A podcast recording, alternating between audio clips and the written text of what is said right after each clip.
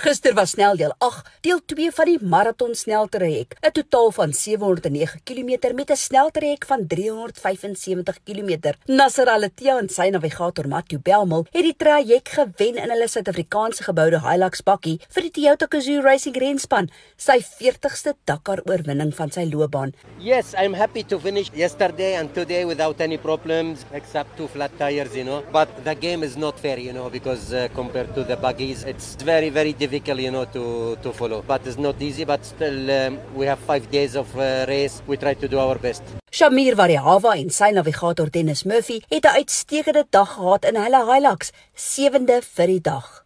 We had a clean run today. Um, when I say clean, we had uh, no punches.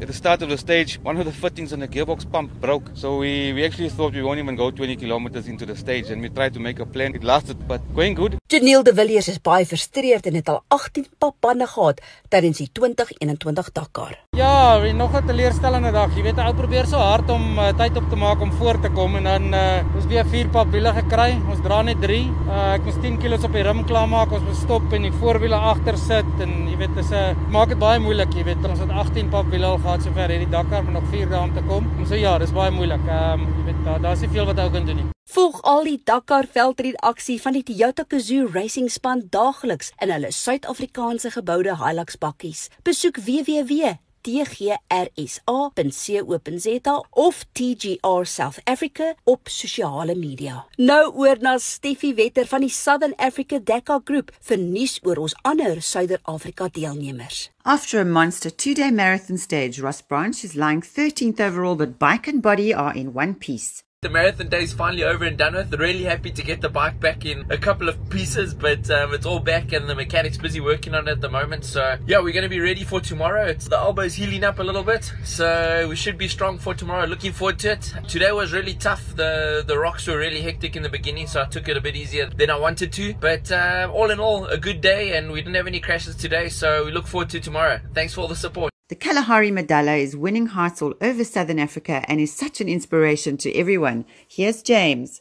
Yeah, yesterday was an experience and non-stop pain and suffering every second of the day. The bike's still not handling right. I've got the whole of the Baz guys coming. We're going to put a soft compound front tire on it. We're going to look at the uh, steering damper. Think there's an issue with the damper. I'm battling with the front end stability on the bike. Yesterday lunchtime I had a quite a serious crash in the rocks. That put me back even further. Got into the dark. Then there was this climb that was I couldn't get up. I crashed twice trying to get up it, all churned up by the trucks. I went west, got lost. The control brought me back after about an hour. Then I went east, found a way around this climb and uh, got in at about 11 or something like that last night. Freezing cold liaison. Uh, this, in the night my phone went flat. My alarm didn't go off. So one of the officials fortunately knew where I was, woke me up. I got to the start half an hour late, but I was just within. I would have been time barred out of the start. Uh, incredible stage through the, the rocks and the mountains. Really awesome stage. So I'm here,